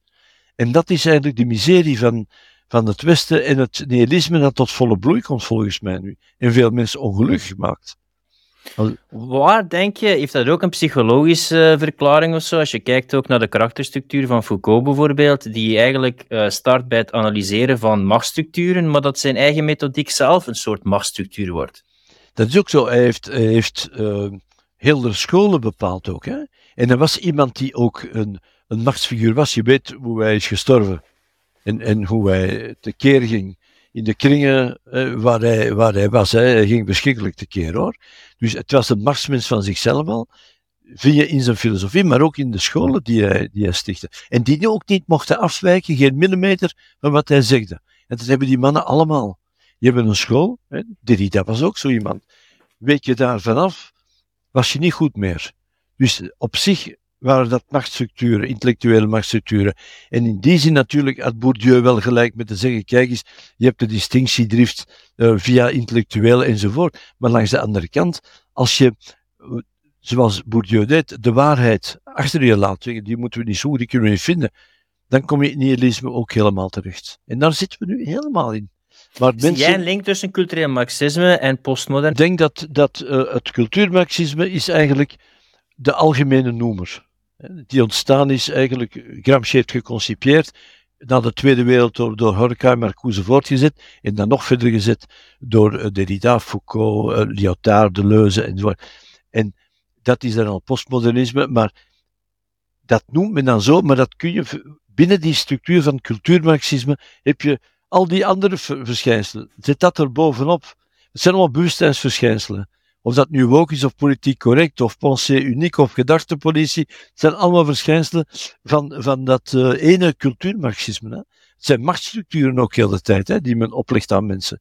En waar mensen zich niet tegen durven te verweren, zoals men zich vroeger niet durfde te verweren tegen de baas, want de baas was heilig en de klassenstrijd moest worden gevoerd, maar de baas was heilig. Zo durft men zich nu niet te verweren tegen de grachtenpolitie en tegen het journaaien, dat dus de hele tijd de, de, het discours bepaalt op dit moment. Hè. Dat is ook een machtsstructuur. Als je de morgen, ik zeg altijd aan mensen, als je de morgen leest de standaard, de tijd, en je, kijkt naar ter zake, dan ben je niet geïnformeerd.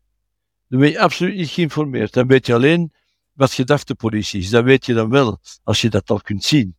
Maar dan ben je niet geïnformeerd. Dus het probleem is ook in deze samenleving dat om geïnformeerd te zijn, moet je echt wel moeite doen. Het is niet, ik koop de krant, morgen, ik ben dan geïnformeerd. Je moet zeer veel moeite doen. En dat sloopt ook. Dat sloopt ook intellectueel, dat moeite doen. Want je moet ook iets kunnen aantonen niet zomaar wat vertellen. Hè. Ik heb, eh, mijn laatste boek is, is bijna 700 bladzijden. Je moet het kunnen aantonen. En dat put je uit. Dat sloopt. En zij zitten in een comfortabele positie, want zij weten, zij weten het. Jij bent slecht en zij zijn goed. En jij moet bewijzen dat je toch goed bent. Ik wil dat niet bewijzen hoor, dat ik goed ben. Maar het is wel iets wat zij eigenlijk vooronderstellen, dat je dat eerst doet. En dan schrijf me. Dus ik ben niet de meest domme persoon, laten we zeggen. En ik ben veel geïnteresseerd in geschiedenis en filosofie. En ik zie dat eerst religie en dan scholastiek. En dan zie je humanisme met Erasmus. En dan zie je meer Locke en ook de politieke filosofie uh, zich ontwikkelen, et cetera. Ik kan, en existentialisme. Ik kan eigenlijk volgen tot de jaren 50 en 60 maximum. Maar dan, jij bent heel belezen. Dan wordt het zo contextueel, talig, non-verstaanbaar. Ik kan niet meer volgen soms waar het om gaat. En ik heb echt wel al wat dingen gelezen, maar ik, ik weet niet meer waarover het, het gaat tegenwoordig. Maar dat is, dat is eigenlijk, het is wel kras wat je zegt, het is juist natuurlijk. En in, uh, in Engeland bijvoorbeeld is er een heel filosofische school, maar dat moet je dan ook weer weten natuurlijk, die dat zegt. Je kunt dat niet meer volgen, wat is dat nou, het existentialisme, die dat. En zij hebben dus een, een hele school waarin zij alleen maar zeggen, we gaan ons met, met taal bezighouden. En de rest interesseert ons, die Plato, laat het allemaal maar vallen, alleen taal. Dus zover kom je al. Maar het is juist wat je zegt. Ik heb hier pakken boeken liggen. Pakken boeken. Eigenlijk zou ik moeten zeggen, ja, waartoe dient het? Want elke dag komt er wel een nieuw boek uit met een nieuwe idee en een nieuwe filosoof. Soms interessant, maar je kunt dat niet volgen. Dat is onmogelijk. En je weet wat er is gebeurd nu in de Universiteit van Gent. Heeft Johan Braakman, die eh, de naam zegt je iets of niet, was uh, hoogleraar filosofie enzovoort, uh, heeft ontslag ingediend. Nu, ja. Ja, stond een groot interview uh, dat ik toegestuurd krijg, want ik koop de morgen niet en ik koop de standaard niet, want mensen sturen mij alles toe, uh, met Johan Braakman. En het is duidelijk dat zelfs Johan Braakman, die toch, uh, hoe zal ik zeggen, iemand was die voor een stukje meeging, toch met heel die politiek correcte affaire, omdat hij beknot werd in zijn vrijheid van meningsuiting. Dat is het. Ik kan het niet zeggen als het niet waar, want als het niet waar is, dan kun je me nu pakken dat is zover dat iemand als Johan Braakman, zo'n, hoe zal ik zeggen, zo'n lieve filosoof, die zich met Darwin bezighoudt en met, met, met waarheid ook nog, dat die moet zeggen, ik neem, ik dien uh, ontslag in, want ik heb geen vrije meningsuiting meer in deze academie. De academie Universiteit van Gent. Daar kan hij het niet meer waarmaken. Zover zijn we dus. We zijn echt heel ver nu aan het doorslaan. En ik hoop dat uh, ja, ook programma's zoals dit, hè, er kan toe bijdragen dat mensen gerustgesteld worden dat ze niet alleen zijn en dat iemand anders het misschien beter kan verwoorden dan zij. Maar ben jij nog horen... een Hegeliaan om te denken dat... Nee. Uh, Oké. Nee. Nee, absoluut omdat. Omdat, je spreekt dus over nihilisme voor een stuk bij de bevolking en die, die rondzwevende onrust, laten we zeggen. Je ziet die corrupties in de instituties met die pensée uniek uh, bij de mainstream media, ook in de politiek. Uh, de, de mainstream eh, cultuur en programma's dat je ziet. Want waar leidt dit toe? Waar leidt dit onvermijdelijk toe met jouw achtergrond en inzichten? Wel, ik denk dat het leidt tot nog meer ellende in de samenleving, hè, die er nu is. Hè, niet door die crisis, alle hele crisissfeer, maar dat het alleen nog maar uh, vormen zal aannemen, zeker nu de verkiezingen aankomen. Ik spreek over België, maar ook in de Verenigde Staten. De verkiezingen de, eh, die, waar Trump zeker nooit mag winnen, waar men ook een narratief heeft uh, in de kranten geschreven over Trump. compleet waanzinnig is, totaal compleet waanzinnig. En dan zegt men, ben jij dan voor Trump, alsof het zo simpel allemaal is. Maar, Wim, waarom zien mensen dat niet? Ik bedoel, het, het, is enkel van, het is dan superkoud en aan het sneeuwen, uh, en, en, tegelijkertijd lees je dan van, uh, ja. klimaatopwarming daar in Australië, warmste maand ooit. Je moet dan volledig tegen Rusland zijn en voor Oekraïne zijn. Je moet dan volledig voor moslims zijn en niet tegen, uh, als je dan tegen Hillary Clinton bent, ben je voor Trump. Waarom zien mensen niet dat zelf al, wat, wat die mening ook is, dat het een heel eenzijdige berichtgeving is. Ja, ik denk dat ik het, het enige alvast dat ik heb om, om op te antwoorden, om, om te antwoorden is uh, de verkiezingen die eraan komen bij ons nu. Hè? Dus in, in, in, juni komen, denk 9 juni als ik het goed heb. Ik denk dat die zullen aantonen dat meer mensen begrijpen dat ze die riedeltjes van de morgen en de standaard en ter zaken en de knak, dat ze die eigenlijk uh, nooit hebben geloofd, maar dat kindje wilt dat niet toelaten in je brein, hè, dat dat niet juist is. En dat men, maar in stemhokje kun je dat wel, hè, want dan ben je alleen, niemand weet waar je stemt. En ik denk dat men dan zal zien dat er veel mensen weten wat wij weten, maar dat niet kunnen expliciteren zoals wij dat doen, maar dat ze het wel weten. Natuurlijk, alleen het vervolg beangstigt me, want het vervolg zal zijn dat men toch weer een miljoen mensen in de steek zal laten en toch weer zeggen, we hebben het geleerd, we weten het nu wel, en toch doet men hetzelfde als voorheen. Maar men zal zien hoeveel mensen weten dat het, het discours, het verhaaltje, het narratief niet meer klopt. Ik zal jou eens een speciale vraag stellen dat ik nooit gesnapt heb. Je hebt ook een aantal keren Hitler aangehaald en zo, en dat je, je hebt ook bij Joodse scholen gewerkt. Uh, je zoon uh, is uh, fractieleider in Antwerpen van het Vlaams Belang. Waarom is het Vlaams Belang extreem rechts? Wel, dat is ook, ja, dat is framing natuurlijk. Hè. Want, als de partijen... Als je, je weet de ideologie, als je echt bekijkt de ideologie, wat is extreem rechts aan de ideologie van het Vlaams Belang? Nee, ik zou het niet weten. Want ik heb nu, want ik, ik, ik heb nooit, ik, ik, ben nooit lid geweest van een partij, nooit. Ik heb op een socialistisch kabinet gewerkt, bij Luc van den Bossen, onderwijs. En eerst wil ik gezegd, ik neem geen partijkaart, dat moet je van mij niet verwachten. Dus ik heb in tempore non suspecto voor Van den Bossen gewerkt. Ik lees nu, omdat mijn zoon er zo druk mee bezig is, uh, lees ik dat. En dan denk ik ook, ik kan dat alleen maar verklaren, omdat als alle partijen, CD&V, socialisten, liberalen, naar links zijn opgeschoven, ja, dan wordt eigenlijk Vlaams Belang het centrum. En dan kunnen zij niet zeggen, ja, maar dat is nu het centrum, want zij willen in het centrum liggen. En dus is Vlaams Belang extreem rechts. Dat is de enige uitleg die ik heb. Want als je dat programma ziet, dan zijn mensen die zeggen, oh, dat is een linksprogramma. Als je ziet wat met, ja, ja, ik zie dat uh, op commentaren in doorbraak, ja, wat ik elke dag lees, waar ik ook in schrijf, ik zie dat daar commentaren, het Frans Belang is eigenlijk, u, een economisch programma links. Inderdaad, het beste uh, economisch programma dat ik ooit heb gezien in mijn lange jaren, dat is het Rijnlandmodel. Het Rijnlandmodel, het sociaal-democratisch model. Dat was een zeer decent, fatsoenlijk, wel overwogen, rustig uh, programma. Er is nooit iets beter gekomen. En na 1970 heeft men dat model helemaal opzij geschoven, is ook de miserie begonnen. Na 1970, het geluksgevoel zei ik dan, maar ook de miserie is begonnen na 1970. En het Rijnland-model is een sociaal-democratisch model dat, hoe zal ik het zeggen, dat aanvaardbaar is door iedereen volgens mij. Uh, dat, dat belastingen heeft, maar op een fatsoenlijke manier, geen 2 of 53 procent van je winnen die je moet afstaan maar op een fatsoenlijke manier en dat niet tot het extreme gaat van we moeten de verzorgingsstaat oprekken tot, tot je echt niks meer moet doen. Dat was het Rijnlandmodel.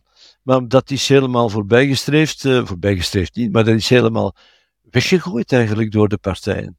En als je zegt uh, extreem rechts, ik zie het niet in het programma, en ik wijt het gewoon aan dat de gewone partijen naar links zijn opgeschoven, en dus het Belang nu in het midden zit. Maar dat kunnen zij niet veel, want zij moeten in het midden zitten. Zij zeggen wij zijn centrumpartijen. En dus is het Vlaams Belang, noemen zij het dan Vlaams Belang extreem rechts. Ja, kijk, dat iedereen die tegen uh, vragen heeft bij immigratie, wat eigenlijk conservatief is, van we willen onze staat behouden, onze, onze nationaliteit behouden, wordt dan extreem rechts genoemd nu. Ja, we praten vrijheid over in deze podcast. Ik heb ook totaal geen partijkaart. Ik geloof ook meer in, in bewegingen en partijen dan om bewegingen op grond te brengen en bewustzijn te creëren wat is er gebeurd met het NVA? Als je dus kijkt naar de NVA, dat was vooral Vlaams en vooral dan ja, ook een stuk anti-immigratie. En als ik met mensen praat erover, is dat enthousiasme bij de NVA en die partijpolitiek echt bijna nergens gewoon.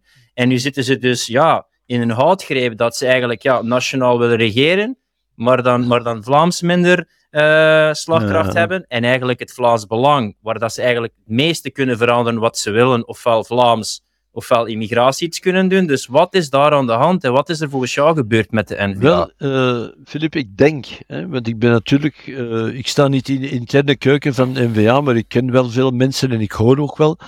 Ik denk dat je dat moet wijten, hoe raar dat ook mogen klinken misschien, aan de persoon van Bart de Wever. Ik denk, hij is een, een, een man die uh, nooit op zijn bek zal willen gaan. En die altijd in de picture wil blijven staan als de baas. Hij is Napoleon van, van NVA. Hij zal nooit opzij gaan, denk ik. Hoeveel keren heeft men al gezegd, men zou een andere voorzitter moeten hebben. Hè? Want hij is al zo lang voorzitter, maar er komt geen andere voorzitter. Er worden wel namen genoemd, uh, maar mensen die een beetje van de lijn afwijken die hij uit, die worden eigenlijk weggezet. Franken is een typisch voorbeeld. Franke die pleegde een beetje opstand, een heel klein beetje. Franke mocht absoluut geen ondervoorzitter of voorzitter of wat dan ook worden. Dus ik denk dat het karakter, de persoonlijkheid van uh, de wever eigenlijk in de weg staat van veel veranderingen. En ik denk dat in Antwerpen is dat ook geweest, denk ik, uh, met Philippe de Winter. En misschien stond hij wel in de weg. Waardoor natuurlijk er nooit een synergie is kunnen. Als er twee personen zijn die zulke maar grote persoonlijkheden zijn, uh, grote persoonlijkheden zijn in, in politicis, ja, dan beweegt er natuurlijk niks. Hè. Ik denk dat de Wever nooit zou kunnen toegeven dat zijn politiek verkeerd is geweest tot nog toe. Door altijd uh, te zeggen, ik wil wel, ik wil, maar eigenlijk dan toch niets doen. Ik denk dat het aan de persoon de Wever ligt, en dat gebeurt wel eens meer. Denk aan de ruzies die er waren tussen Martens en de Hanen, tussen Tindemans en Martens vroeger. Aan, aan de, de, de stammenstrijd in, bij de liberalen tussen de, de, de Guchten en de Michels. En, en je moet dat niet onderschatten, dat soort dingen. Dat speelt ook mee, die zeer persoonlijke zaken, die imponderabilia ook van die mensen. Hè. Wat doen ze, wat denken ze, wat denkt de een van de ander, dat speelt allemaal mee. En uh, de Wever is ook iemand die het zeer goed kan uitleggen. Hij heeft een, een discours dat zeer vlot is. En in Vlaanderen is natuurlijk ook de een nog wel onmiddellijk koning. Want als de Wever twee Latijnse citaten gebruikt, dan is hij ongelooflijk slim voor de buitenwereld. Dan denk ik, ja, ja, ik wil misschien in het Latijn converseren met de Wever, maar dat is zo belachelijk. Hè? Hij gebruikt dan Latijnse uitdrukkingen, dus ja, dat is wel een heel... Dat zegt iedereen op straat. Hè?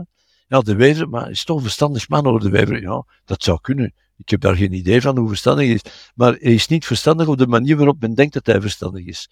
Dat denk ik niet. En dat ja, dus ik, ik, zal een voorspelling doen van de verkiezingen. Het Vlaams Belang gaat 28% halen, wat dat eigenlijk veel meer is. Want als jij zegt dat 10% uh, eh, buitenlands is, is het eigenlijk ja, meer dan 30% van de Vlamingen dat voor het Vlaams Belang stemt. En dan gaat waarschijnlijk de NVA rond de, ja, net onder de 20% of 21%. Dus je gaat net niet aan die 50% geraken. Ja. Dus dan moet je echt denken van, ja, welke partij gaan we daar nog bij halen? En welke van de twee thema's gaan we aanpakken? Gaan we het immigratiethema doen, dat Vlaams Belang wil? Of gaan we het communitaire thema doen, dat dan federaal moet opgelost worden? En dan zit je meteen met drie, vier extra partijen erbij. Maar daarom, ja, tuurlijk is dat zo. Maar daarom zit je op dit moment eigenlijk, uh, iedereen denkt na over die verkiezingen. Hè. Ik hoor het overal bij de liberalen, socialisten. En niemand ziet eigenlijk een uitweg. Er is er ook geen, denk ik. Het enige wat zou kunnen, maar dat wordt als zeer uh, illusoir aangezien, is dat uh, eh, N-VA en Vlaams Belang samengaan en dan de soort uh, grondwet optekenen en een soort ja, onafhankelijkheid durf ik niet te zeggen, want dat is natuurlijk ook niet simpel, maar toch zeggen wij zijn nu, wij beslissen nu zelf. En een soort staatsgreep leggen, zeg maar. Hè. Dat, maar ik hoor bijvoorbeeld Vandaag las ik nog een stuk, ik weet niet, in Unheard geloof ik, een interessant tijdschrift, over uh, Trump. Dat als Trump wint, staat dat leger klaar. Hè? Dat kunnen ze niet velen, de, de kan dat niet veel. Ja, dan denk je, wat, wat, zou, zou men hier doen? Stel nu dat Staats Belang en VA zeggen, wij jongens, stop ermee met België, daar spelen we niet meer mee. Ja, de deep state hebben wij ook natuurlijk. Hè. Je moet daar geen mystificatie van maken of geen samenzwering, maar die is er natuurlijk wel. Wacht even, Wim. Dus, dus als Trump aan de kapitoolbuilding wil protesteren tegen vervalste verkiezingen of een foute uitslag, dan is het eigenlijk een insurrection en dan is het vreselijk. Maar als het dan zou gebeuren tegen Trump en hetzelfde, dan is het oké. Dan is het oké. Het is nog veel straffer dan wat je nu zegt. Want men weet ondertussen, de beelden, er zijn zoveel uren beelden, ik heb er stukken van gezien, niet allemaal, want het zijn uren en uren beelden van uh, ten eerste de binnen de massa waren er veel FBI's van al inlichtingen in, stonden ze op te jutten. Plus liet men ze binnen in het kapitool, begeleiden men ze nog. En natuurlijk. Dus daar is daar van alles gebeurd. Die verkiezingen zijn niet eerlijk verlopen en die zullen niet eerlijk verlopen. Dus zo werkt de deep state. En de vraag is, als je vroeger, dat zeg ik ook altijd in, in lezingen, uh, Lodewijk XIV, c'est le roi absolu. De absolute macht van Lodewijk XIV. Dat was een klein kind, een baby, tegenover de absolute macht nu.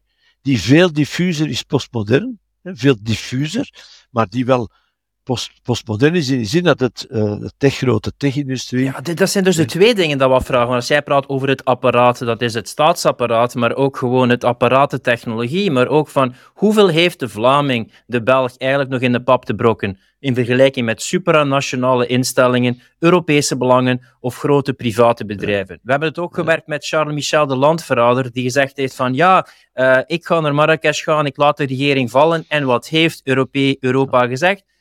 Super gedaan, Charles Michel. Hier word je nu voorzitter van de Europese Raad. Zes maanden later, nadat je je topfunctie, ja. dat je bewust je regering laten vallen had. Dat is toch onvoorstelbaar? Ja, het is het, het, oude woord, establishment, het oude woord van de 68ers. Dat bestaat nog altijd. Ik noem het de elites. Hè. Dat, eh, Christopher Lasch, de revolt of the elites. En ik, zeg, ik schrijf ook altijd, er is ook een elitair populisme. Vlaams-Belang is ultra-rechts, is fascistisch, en eh, al dat soort dingen. Dat is het elitaire populisme. Hè? Dat zeggen al die elites. Hè? Dus er is niet een volkspopulisme, maar er is een elitair populisme ook. Hè? Dat, zie ik niet graag. Maar je ziet heel goed dat op dit moment een revolte is van de GLS'jes, zeg maar. Hè? Van de mensen ook met stemgedrag zal men dat zien. Terwijl uh, Christopher Lass in zijn boek, ergens op 1970 geschreven, The Revolt of the Elites, laat hij zien dat de elites, ja, zoals nu, hè, revolteren ook. Hè. Die big tech, big pharma, die komen samen en die revolteren eigenlijk tegen die GLS'jes, tegen die deplorables, tegen mensen zoals wij, revolteren die. En de vraag is, wie zal er als winnaar uitkomen? Hè? Als we, dat vind ik zo belangrijk, als we in de 16e of de 17e eeuw een opstand plegen, dan had men legers, en die zegt, hè, zijn twee rare jongens, hè, die moeten we wel een beetje in het oog houden met zijn hoedje naar, een rare kerel. En die daarnaast bij al zijn boeken niet te vertrouwen. Ik denk dat het uh, die weg op gaat en dat de onmogelijkheid tot revolte zeer groot is geworden. Dit denk ik ook, computer says no, weet je. Dus dat je nu als je binnen moet zeggen, uh, uh, voor wat kom je hier meneer? Ja, als je wil protesteren moet je wel een pasje hebben. Oh ja, nee, nee, je hebt geen groet licht in het pasje en die ijzeren poort die blijft dicht. En dan kan je er met 1 miljoen mensen op die ijzeren poort, sorry, je pasje werkt niet. Ja, en dan krijg je dus nog meer frustraties, nog meer depressies, nog meer burn-outs, nog meer mensen die gewoon het niet meer zien zitten wat nu is. En dat is dat nihilisme, hè, dat, dat, dat wordt tot zijn extreme vorm doorgevoerd hè, op dit moment. Hè. En de, de verkiezingen lijken me zo een kleine graadmeter, zowel bij ons als er komen nog verkiezingen aan. Hè, in Frankrijk ook. Uh, ik ben benieuwd. En ik denk dat we eigenlijk, uh, we zijn met een Blanche niet, we kunnen moeilijk voorspellen wat er zal gebeuren, maar laten we zeggen, als er een kleine, kleine millimeter opening is, dan zal het daar zitten, denk ik. Dat we dat moeten proberen daar ergens te wrikken. Ik, de serie The Twilight Zone, dat is mijn favoriete serie ooit. En daar heb je ook uh, de Absolute Man. En dat is het beeld ervan iemand daar uh, op een statief. En die persoon komt dan binnen en zegt van, wat ben jij? Ah, ik ben een uh, bibliothecaris. jij bent overbodig, dat is niet meer nodig. En die staat dan in de schaduw en die wordt dan uit de deur geleid, want je bent gewoon overbodig. En wil je nog overleven? Zie maar dat je voldoet aan wat de staat zegt, dat je een groen lichtje hebt op je pasje. Ja, en die soort... Een overbodig mens, hè?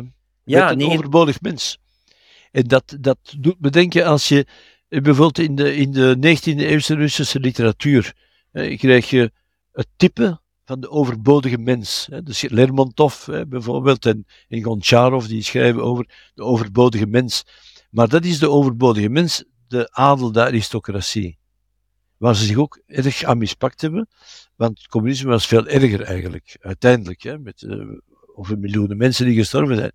Maar nu zijn er veel overbodige mensen en dat is ook het aanvoelen van veel mensen, die overbodigheid.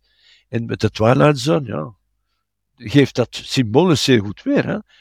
Wij zijn overbodig, totaal. Ik voel het zo aan, Filip. Ja, ik ben nooit. Ik, ik, wil altijd wel hoop geven en zo. Uh, maar ja, op korte termijn denk ik ja, dat uh, dit, dit, nihilisme, die ijzeren greep van de totalitaire sta staat en dan die uitholling door technologie die zich steeds verder inzet en dan de belangrijke perceptiemiddelen die beheerst worden door die mensen die die slotmachine toch nog willen gaande houden, ben ik heel pessimistisch erover. Ik ben ook pessimistisch. Het enige wat ik uh, soms denk, en dat geef ik dan ook als voorbeeld, hè. Charles Sescu stond op zijn balkon. De machtigste conducador, de conducador. En iemand fluit. Er zijn boeken over geschreven trouwens al. Iemand fluit. En dat fluitje wordt gepercipieerd als negatief, want dat zou ook als positief, wauw, tof, gefluit. Nee, dat wordt gepercipieerd door die massa als negatief.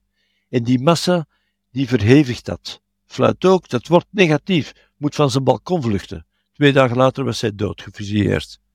Dus het onvoorspelbare en het onmogelijke kan. Als je dan een zwarte zwaan hebt, hè, zoals men dan uh, zegt, hè, die plots opduikt, die je nooit had voorzien en die de geschiedenis wel verandert.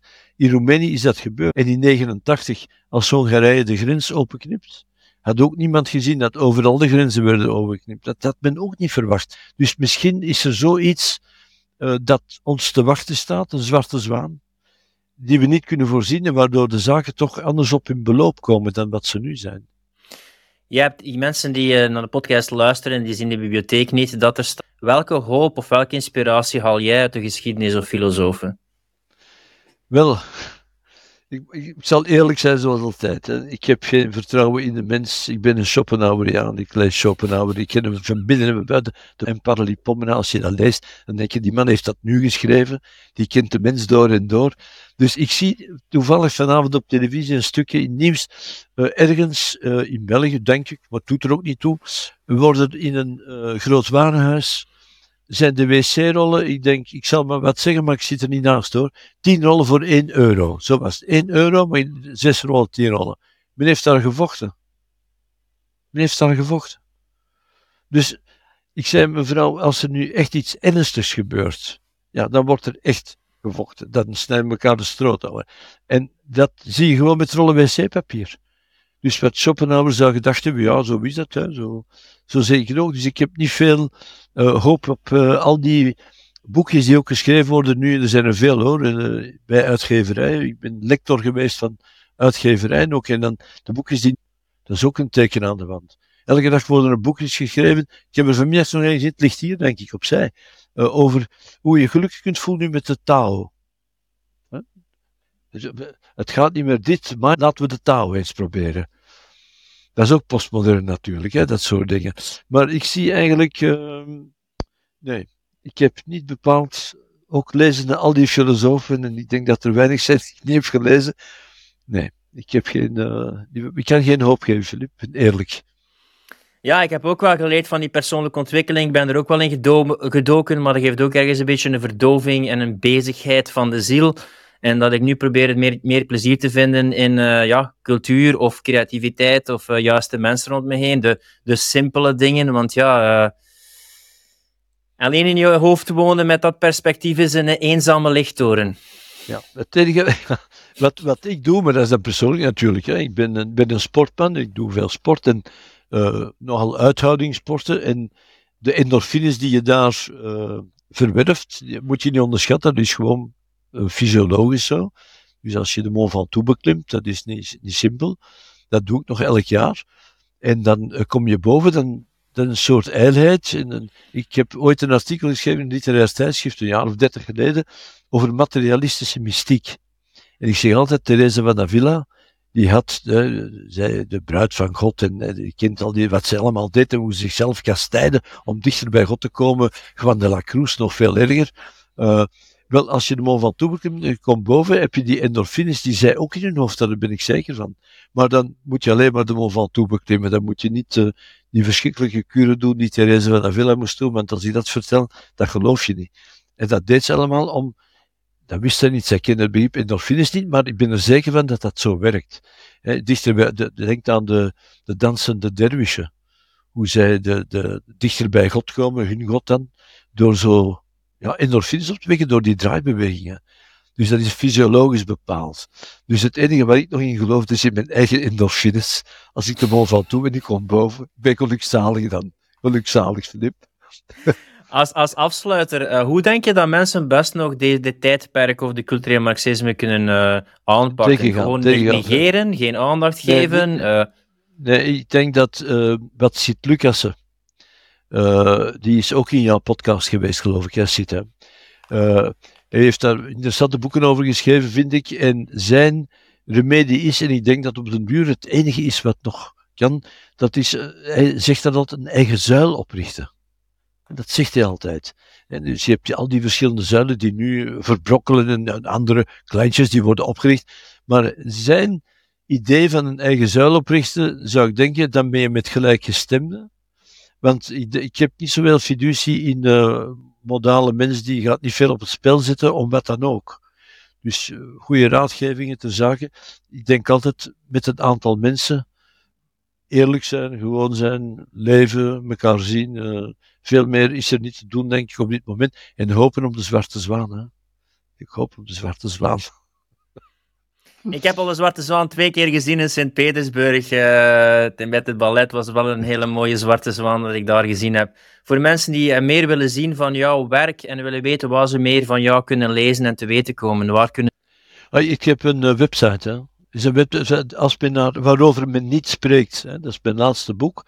Als men die website naartoe is van de uitgeverij De Blauwe Tijgers, dan vindt men wat ik doe en, en, en wie ik ben. En er zijn zeer veel interviews, ook in Nederland afgenomen, die ook die op YouTube vindt. Ik had uh, een interview met uh, op de zevende dag van Nederland. Hè. Dat is er, hoe heet het ook weer? De, ja, is de zevende dag van Nederland. Iedereen wil, iedereen wil erop komen. En men had mij gevraagd. En ja, dat is de trigger geweest voor mijn boek ook. Omdat de uitgever wist niet wat er gebeurde, die werd belaagd. Die zei, ik heb al honderden, honderden exemplaren, ik heb er zoveel, ik moet erbij drukken. Dus dat was een enorm succes, dus als je eet, vind je wel genoeg, denk ik. Voilà, beste luisteraars en kijkers, je ontdekt wel van als je denkt van oké, daar mag men niet over spreken en dat er wel nog een heel leesgierig of kijkgierig publiek is dat graag die dingen te weten komt. Bedankt om onverbloemd je mening te zeggen op de podcast en veel succes bij het volgende boek, Wim. Ben je een ondernemer en wens je een succesvolle podcast te creëren? Of wil je snellere resultaten via simpele systemen die je contentcreatie, productiviteit en verkoop verbeteren? Ga dan naar hetehangijzers.com/start en ontdek wat Philippe voor jou kan betekenen.